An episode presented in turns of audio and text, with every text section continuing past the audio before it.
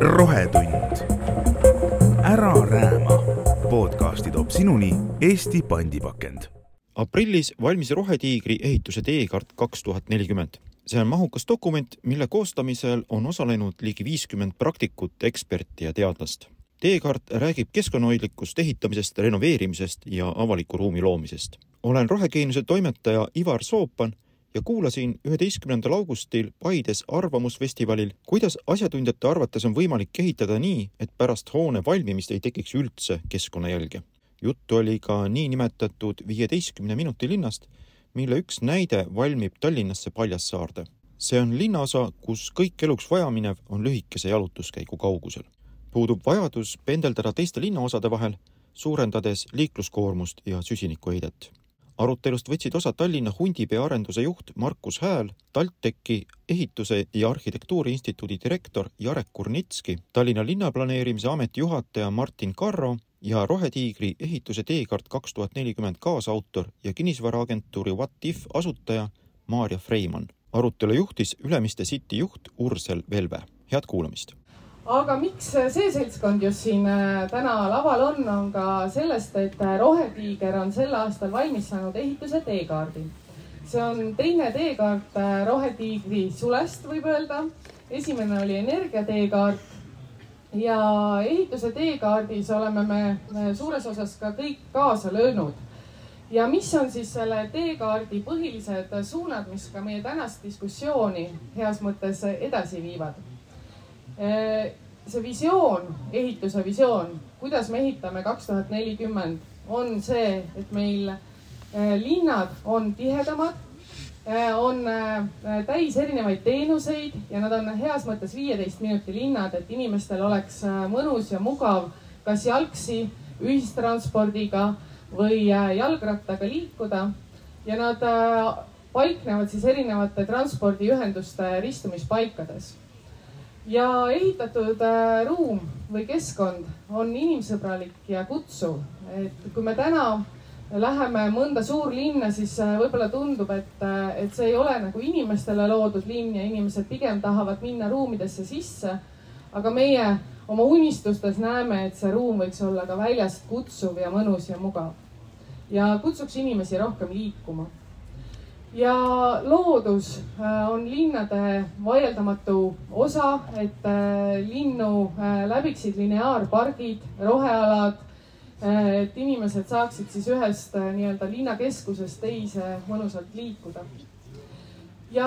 kahtlemata selle ehituse teekaardi visioon on ka siis ehitussektori innovatsioon, et lisandväärtus ehitussektoris inimese kohta kasvab ja läbi selle me arendame siis edasi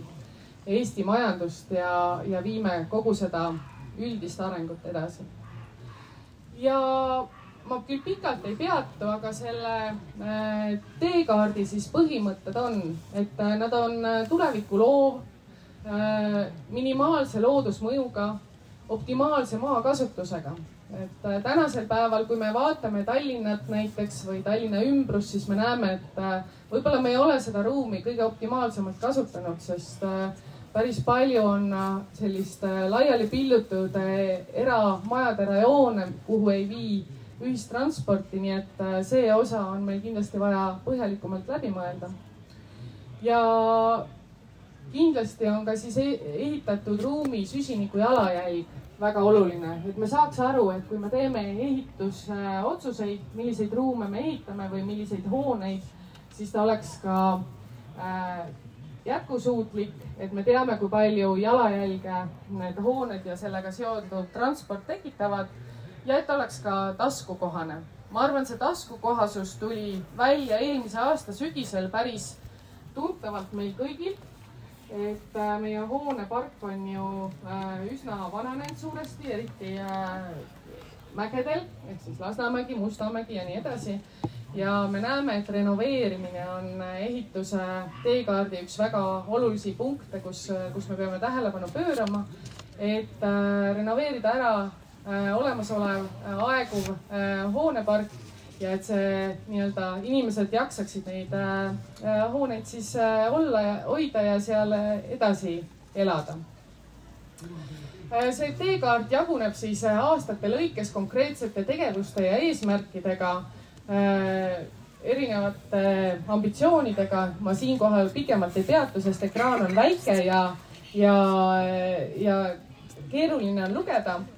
aga suured, suurtes teemades siis ongi üks äh, suur teema, mida ehituse teekaart puudutab, on valglinnastumine.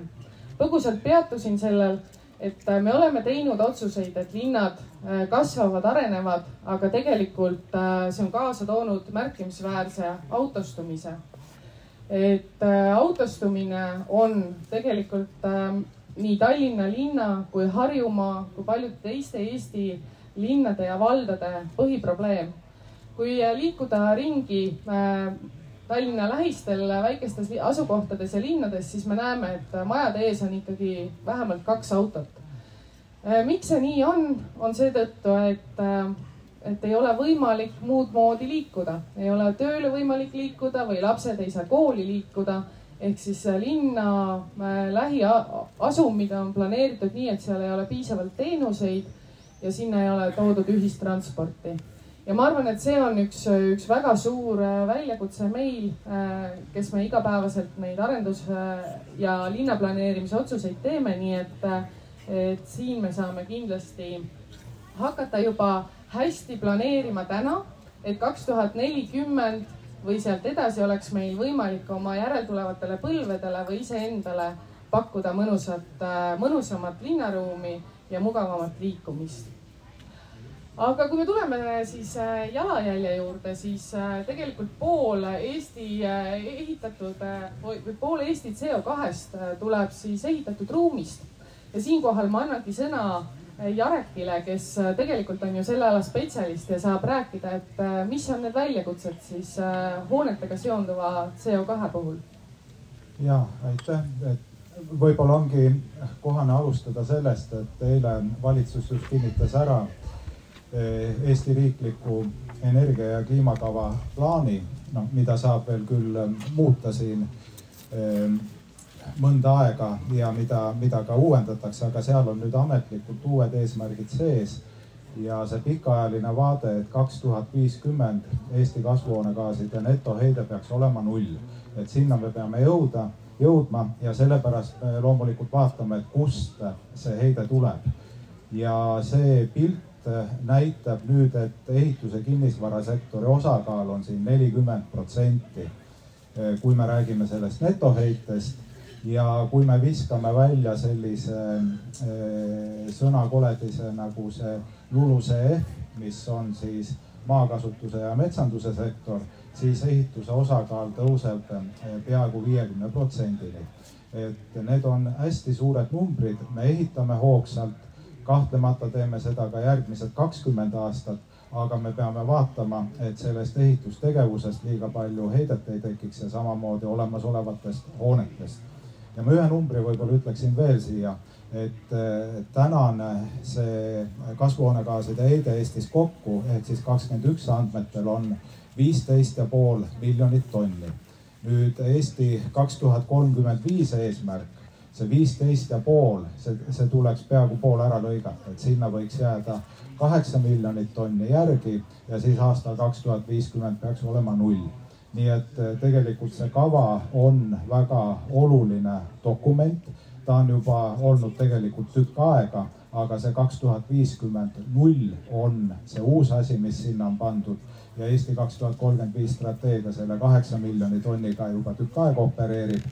nii et meil on eesmärgid on nagu hästi teada ja nüüd me peame mõtlema neid hoobasid ja meetmeid, kuidas siis eh, nendeni jõuda. ja kui me vaatame, et kus see siis ehituses on, et siin on hästi suur osakaal on ikkagi sellel kasutusaegsel energial, mis siis tuleb olemasolevast hoonefondist, aga siis ka uusehitus ja ehitusmaterjalide tootmine ja eksport ja natukene ka renoveerimisest, et nii ta kokku tuleb.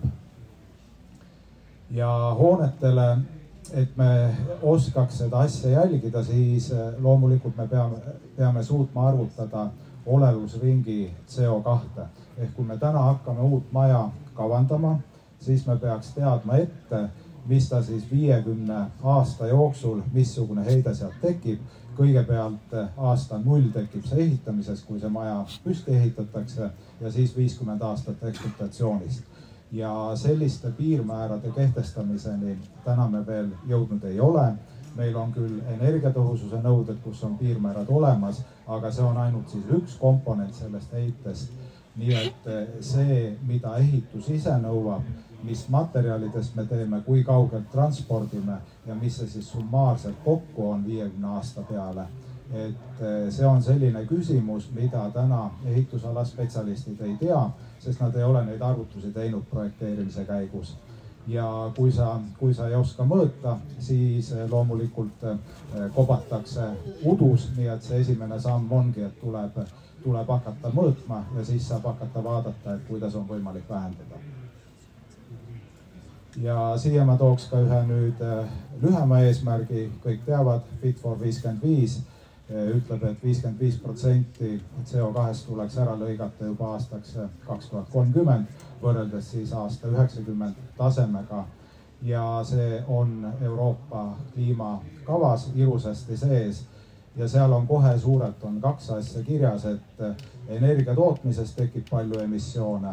ja teine koht, kus neid palju tekib, see energia tootmine on väga palju hoonete jaoks. nii et hoonetes on kulutõhus energiatõhususe vähendamise potentsiaal ja läbi selle väga palju neid heidet ära lõigata on võimalik, et, et ühesõnaga energia tootmine, energia tarbimine hoonetes käivad väga käsikäes ja ilmselt ükski energiatootja seda energiat ei toodaks, kui keegi seda kuskil ära ei tarbiks, et see on ikkagi selline turupõhine asi nii et kui me täna räägime tuuleparkide ehitusest, siis tegelikult need investeeringud on väiksemad võrreldes nende investeeringutega, mida me peame tegema hoonefondi ja ehitusse. aitäh, Jarek. aga ma arvan, et äh, siinkohal ongi hea äh, jätkata aruteluga ja aruteluga sellest, et milline on siis see visioon äh, kaks tuhat nelikümmend et millist elukeskkonda me ootame ja soovime ja millest me unistame mida me oma järeltulevatele põlvedele ja, ja iseendale pakkuda soovime, et äh, kuna siin on arendaja esindaja, kes tavaliselt koostab lähteülesandeid äh, projekteerijatele ja arhitektidele äh, ja mis hiljem jõuavad linnalauale, et siis Markus, äkki sa hakkad esimesena unistama, et kuidas sina näed seda kaks tuhat nelikümmend elukeskkonda? Hea väikene küsimus on see, hästi kiirelt kahe sõnaga saab lahti öelda kohe. Ähm, aga suures pildis esimene asi, ütleme, et hakkame hästi nii-öelda kaugelt pihta, et ma loodan, et me ei pea sellel samal teemal rääkima kaks tuhat nelikümmend esimese asjana. Ähm, teine oluline asi on, mida mina näen, on, et kuna ma ei ole enne kinnisvaraarendusega tegelikult tegelenud, ma jõudsin siia sektorisse ja minu esimene küsimus on, miks me teeme valet pidi kõiki asju, sest et ma tulen tehnoloogia valdkonnast ja kui ma vaatan, kuidas tooteid arendatakse, siis see peaks olema kasutajakeskselt, mitte sellepõhiselt, et paneme majad püsti, nagunii ostetakse ära, panen pildile paar ilusat puud juurde ja ongi nagunii läheb, äh, pole probleemi, onju. et, äh, et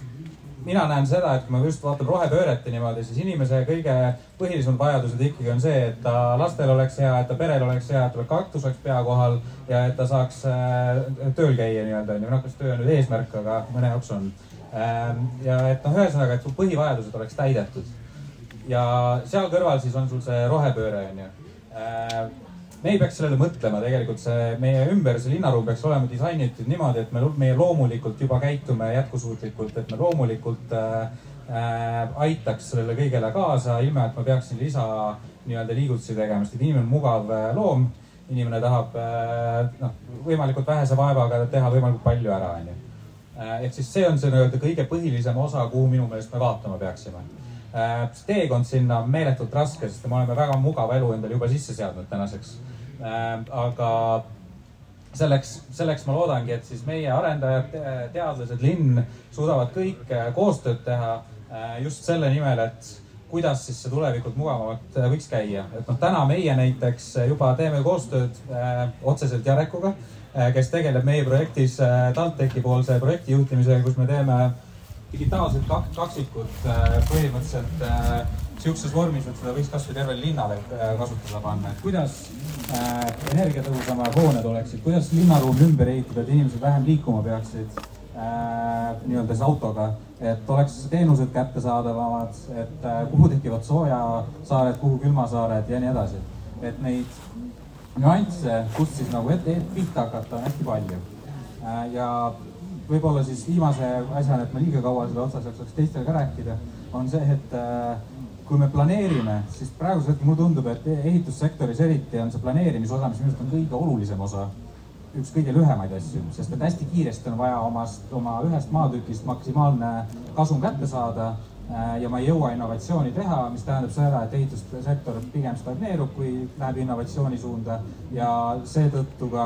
ei planeerita asju korralikult läbi, ei vaadata, kuidas minu ruutmeeter mõjutab seda kõrval olevat ruutmeetrit. sest lõpuks kõik need asjad, mida meie ehituses täna teeme, tegelikult pikas perspektiivis mõjutavad kõiki, kes seda pärast kasutavad, kes seda opereerivad, kuidas need äh, ümberkaudsed inimesed seal elavad. ehk siis sellel on tohutu sotsiaalne mõju, mida tegelikult täna ignoreeritakse mingil määral ja kuhu poole ei äh,, ei pürgita nii-öelda juba eeloleva planeerimisega. ja nüüd see on see, miks ma rääkisin, et ma olen tehnoloogiaettevõtja, et äh, so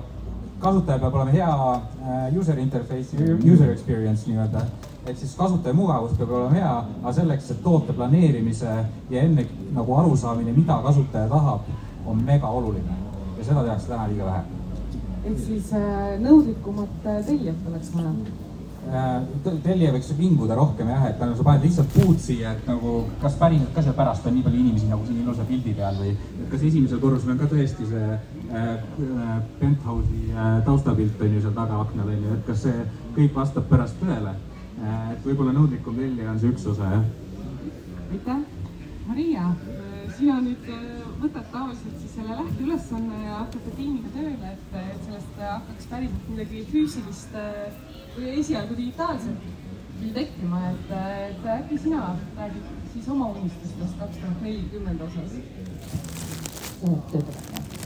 minu eh, unistus eh, siis aastast kaks tuhat nelikümmend, tegelikult ma loodan, jõuame, see on tõesti suur küsimus, et ma loodan, me jõuame neid erinevaid aspekte siin natukene pikemalt lahata, et mida see kvaliteetne elukeskkond, mida me kõik, milles me kõik tahame tegelikult elada sel aastal, et millest, mis aspektidest see koosneb. Aga, aga, aga mis see nagu võib-olla selline põhiline idee on, et me nagu heas mõttes tegelikult ju tahame liikuda Eh, ajast pigem tagasi, et kui eh, vanasti unistati eh, küborgidest ja lendavatest autodest tehnokraatliku sellise, selline unelm oli tulevikust ja sellest sajandist, siis tegelikult kuhu me tahame jõuda hoopis ju nüüd, on, on võib-olla pigem linnaruumi ja keskkonda, kus on rohkem teretulnud inimesed, mitte nii palju autod. heas mõttes sellisesse Äh, ühisesse elutuppa, mis võiks olla see meie avalik ruum. ja, ja mis, äh, mis minu selline võib-olla suurim mure on või mida ma näen, et, et see rohepööre on tulnud võib-olla meile või see kliimakriis on tulnud äh, meid, meile siis väljakutset esitama, et kuidas seda teha nii, et see kvaliteetne elukeskkond, see ruum, kus me, kus meil on kõigil hea olla, kus meil on tervislik olla, kus meil ei ole müra, õhusaastet, kus ruum suunab meid liikuma, et see oleks võimalikult kättesaadav paljudele ja mitte ainult, et see oleks eh, kallis ja lähestele. et eh, ja siin ongi tegelikult see planeerimine, planeerimisest saab alguse kõik. see, mis jõuab projekteerija laua peale, see on juba, juba, see on ka arendustöö, aga, aga ta on ikkagi paljuski selle vormistamine, mida on tellitud ja mida on planeeritud. Martin, siin ma arvan, on hea sinuga jätkata, et, äh, et Maria tõi välja selle kvaliteetse linnaruumi, et äh, kuidas sina näed, mis sinu unistustes on see kvaliteetne linnaruum, sa võib-olla oskad isegi juba oma töökogem-, lühikesest töökogemusest juba mõnda ideaalset kohta Tallinnas meile visualiseerida? aitäh, et piisavalt ambitsioonikas küsimus. Äh, mõttes mul on, mul on väga hea meel, et me alustame visioneerimisest, tulevikuvaatest ja no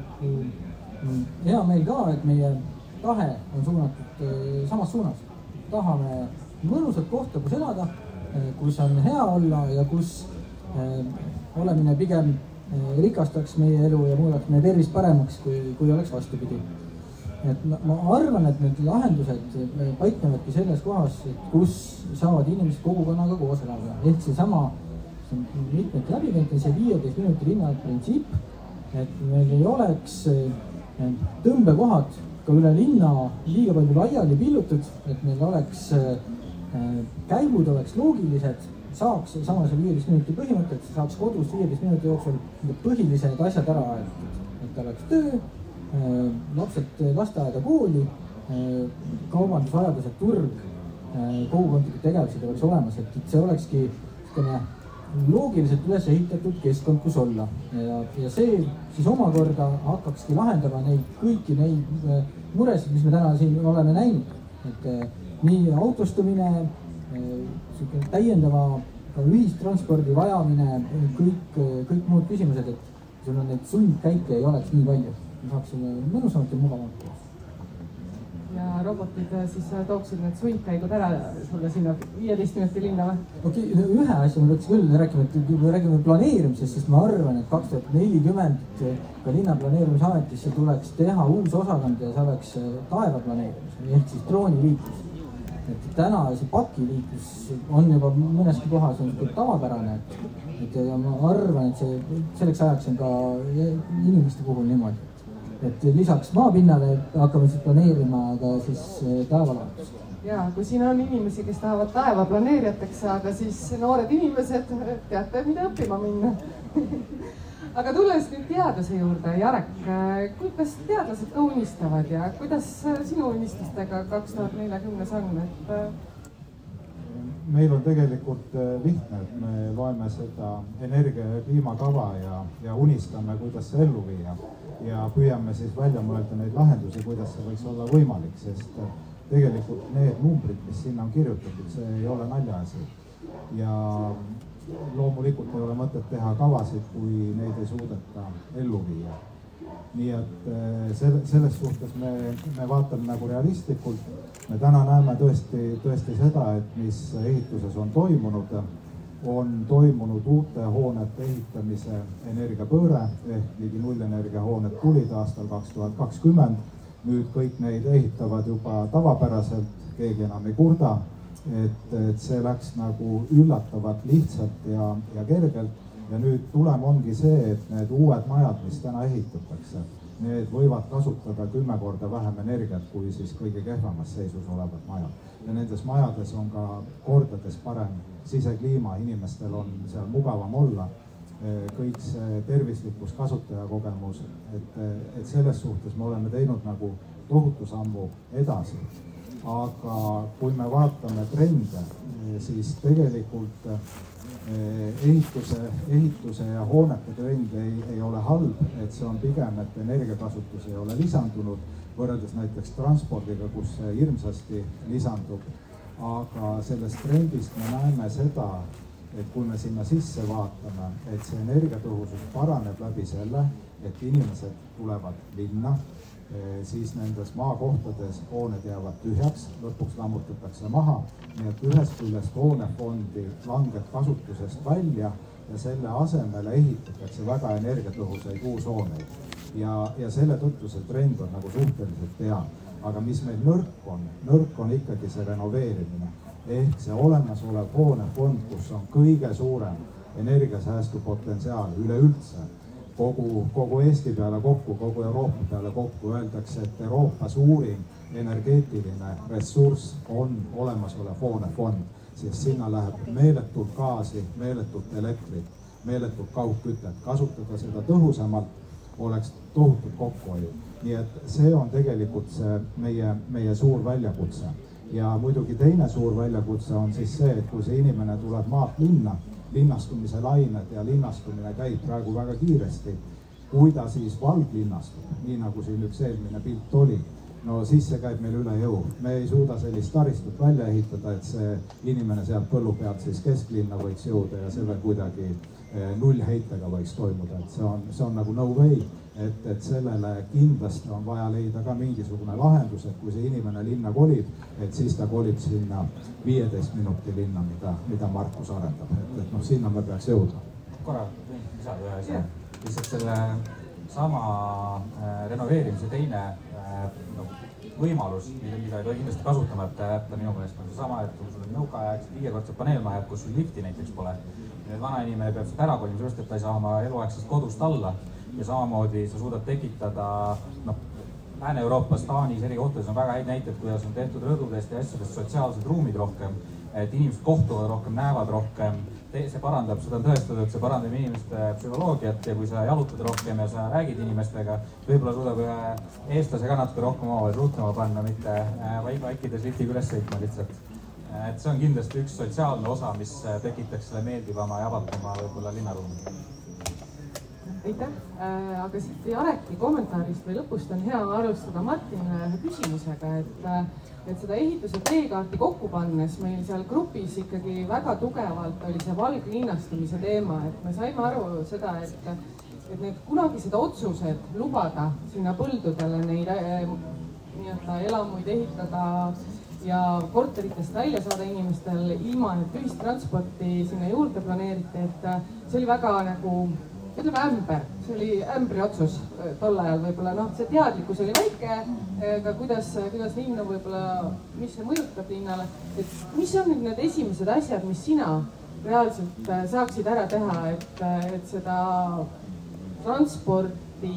siis parandada, et inimesed ei peaks oma autosid kasutama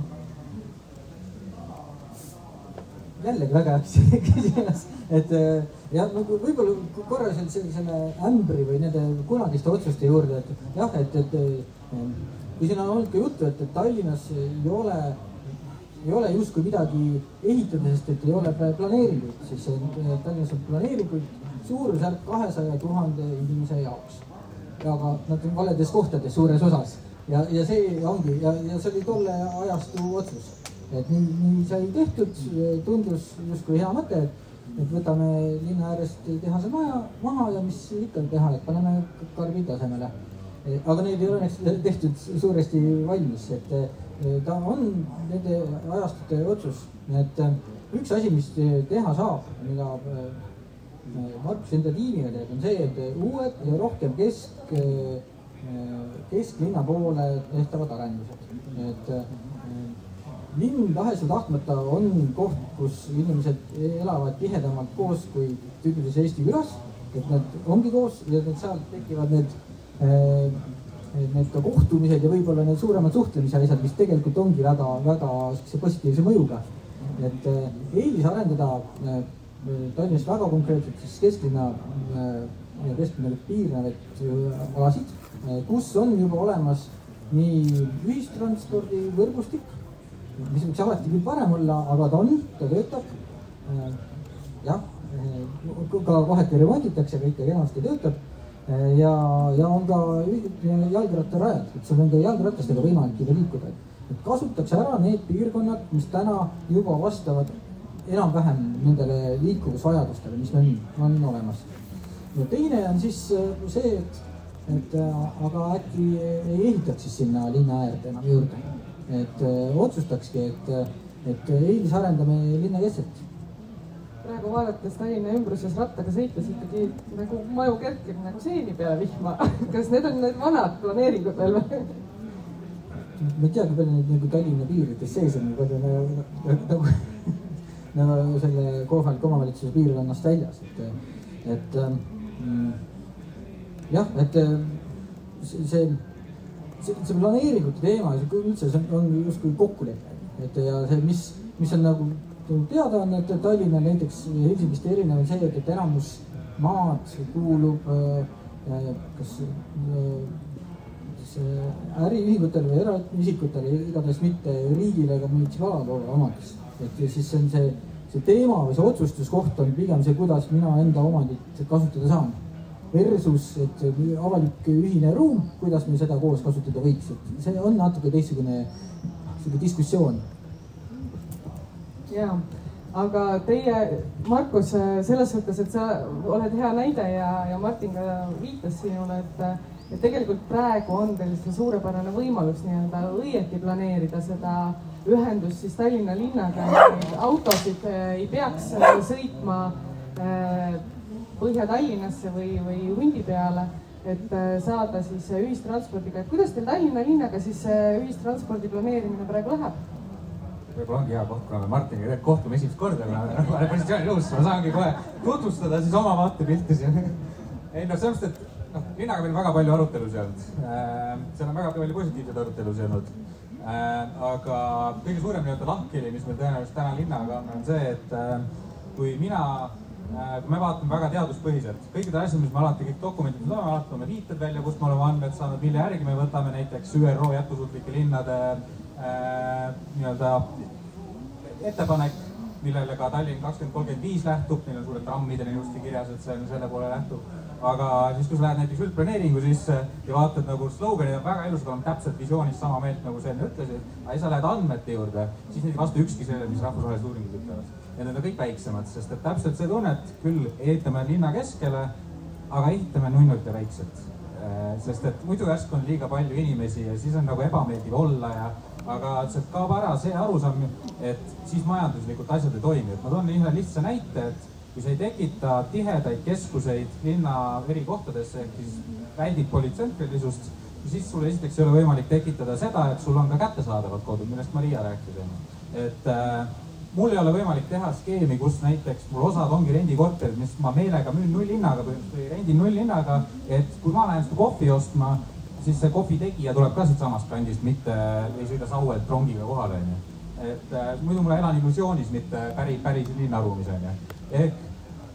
kui, kui sihuke sellest nagu majanduslikust aspektist aru ei saa, siis on väga keeruline ka lõpetada neid põlluarendusi, sest et seesama põhjus on see, et kui ma ei saa näiteks kättesaadavaid kodusid teha või linn ei tee näiteks kättesaadavate korterite skeemi endale, siis juhtubki see, et minu kõige odavam koht osta on päästerõngasse ümber Tallinna kui nüüd Peetri on juba üsna kallis, enam pole päästerõngas, nüüd on uus päästerõngas veel kaugemal. Taristu kasvab, hinnakulud kasvavad, mis tähendab seda, et sa ei saa enam ühistransporti pare-, parendada. ja see on niisugune lõputu dominoefekt, mis aina kasvab ja kasvab ja rullub ja rullub. ehk siis, kui me ei võta nagu, nagu Kõlvart ütles oma kakskümmend, kolmkümmend viis Tallinna visiooni selles ava sissekande, lugege seda. see on väga põnev, sest et lause on seal see, et Tallinn teeb julgeid otsuseid, nüüd peavad teised ka tegema. mina olen vastupidine väljakutse, meil on väga julge otsus ja väga julge plaan. nüüd võiks Tallinn sama teha et äh, ma pigem vaataks seda niipidi.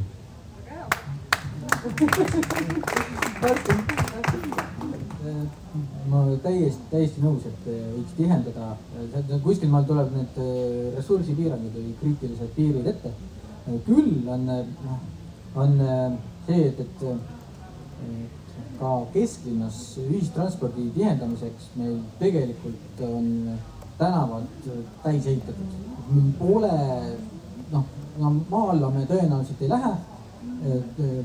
Trammiliiklusliine võiks juurde luua, on,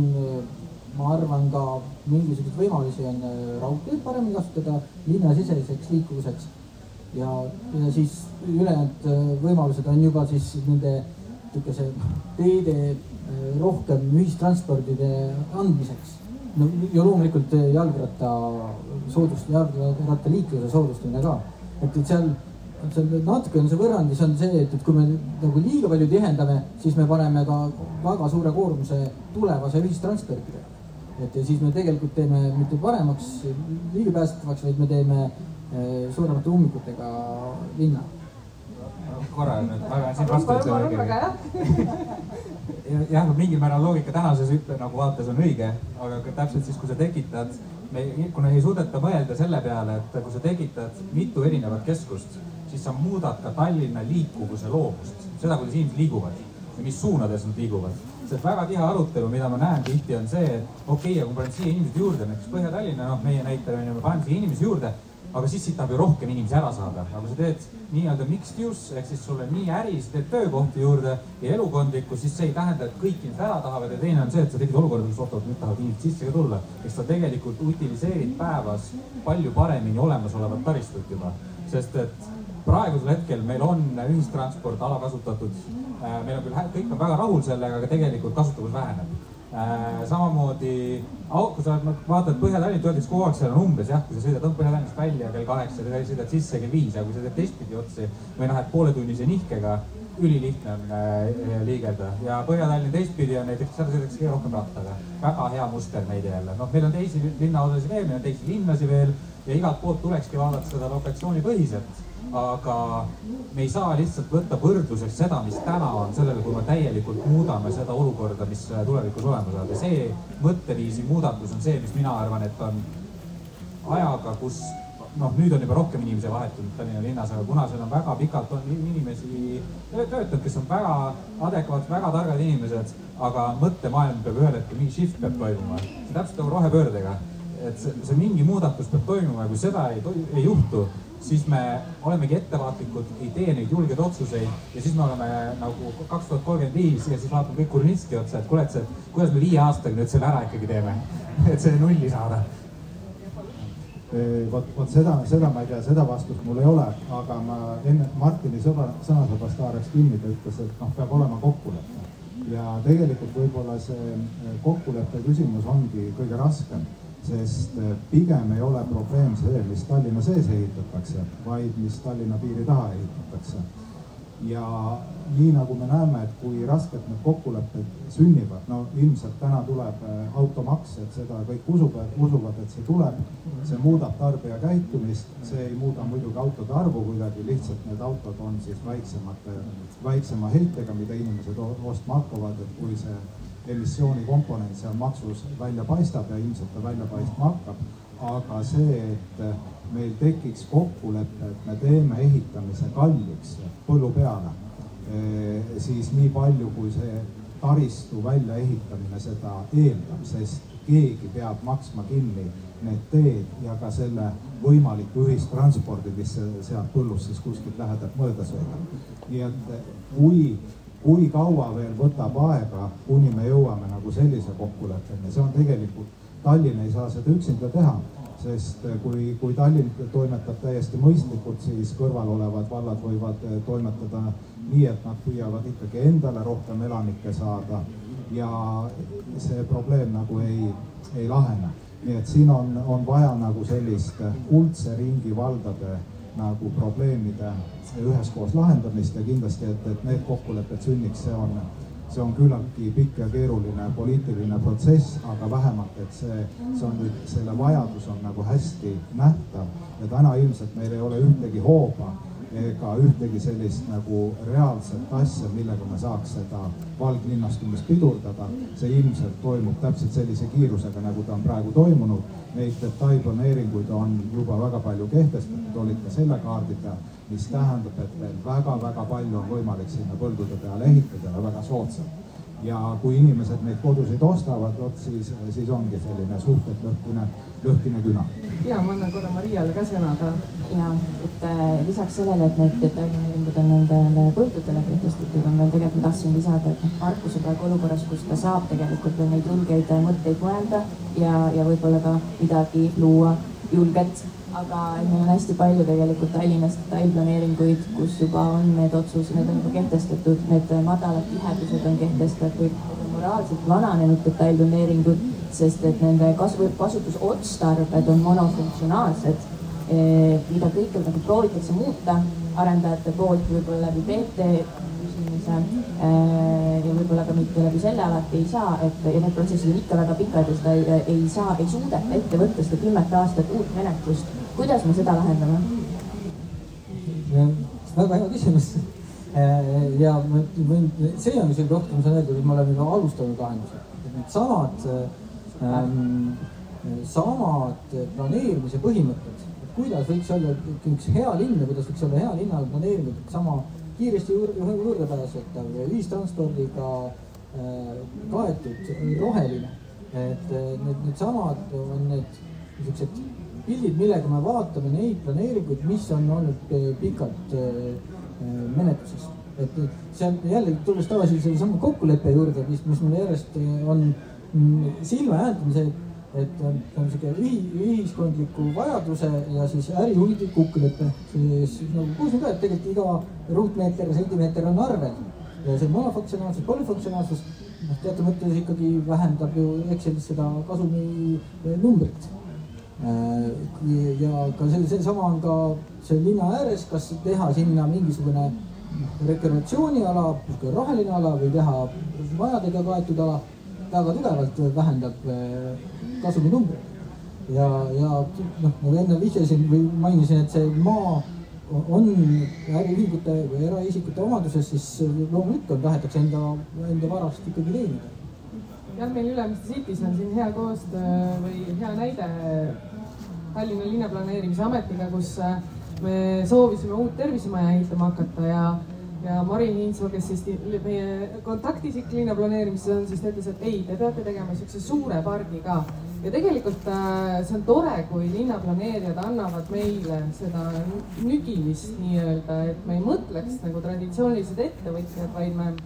mõtleksime ikkagi laiemalt linnaplaneerimise osas. Meil küll on jah, Eesti esimene erapark, mis maksis üks miljon eurot äh, krooni ajal aga sellest tegelikult ei piisa, et kui me räägimegi lineaarparkidest, siis see peabki olema läbiv ja me näeme, et need ettevõtted ja need inimesed, kes äh, siis meie linnakusse tulevad, äh, tegelikult hindavad seda rohelust ja mitmekülgsust ja, ja kõik need taga, ta, tagasisidet, mis me kasutajatelt oleme teinud, ütlevad, et äh, tegelikult müra tahaks vähem ja rohelust rohkem, nii et et selles suhtes ma olen täitsa nõus, aga Martin, ma, ma saan aru, et praegu Markus andis sulle hea nõuande, kuidas juhina toimetada, et, et anda inimestele julgust otsustada jah, aitäh selle tuleks, ma, ma olen, äh, usun sellest, et kogu aeg juhina uskunud, et, et oma valdkonna eksperdid teevad enda valdkonnas parimaid äh, otsuseid, nagu sa Mari ka välja tõid, et Mari kahtlemata on täie, täielik ekspert ja ta, ta on valmis äh, tegema julgeid otsuseid ja mina igati toetan teda otsuseid. Et äh, jah, nõus. väga hea, aga ma tuleks, äh, meil on mitu korda olnud siin äh, teemaks tervis,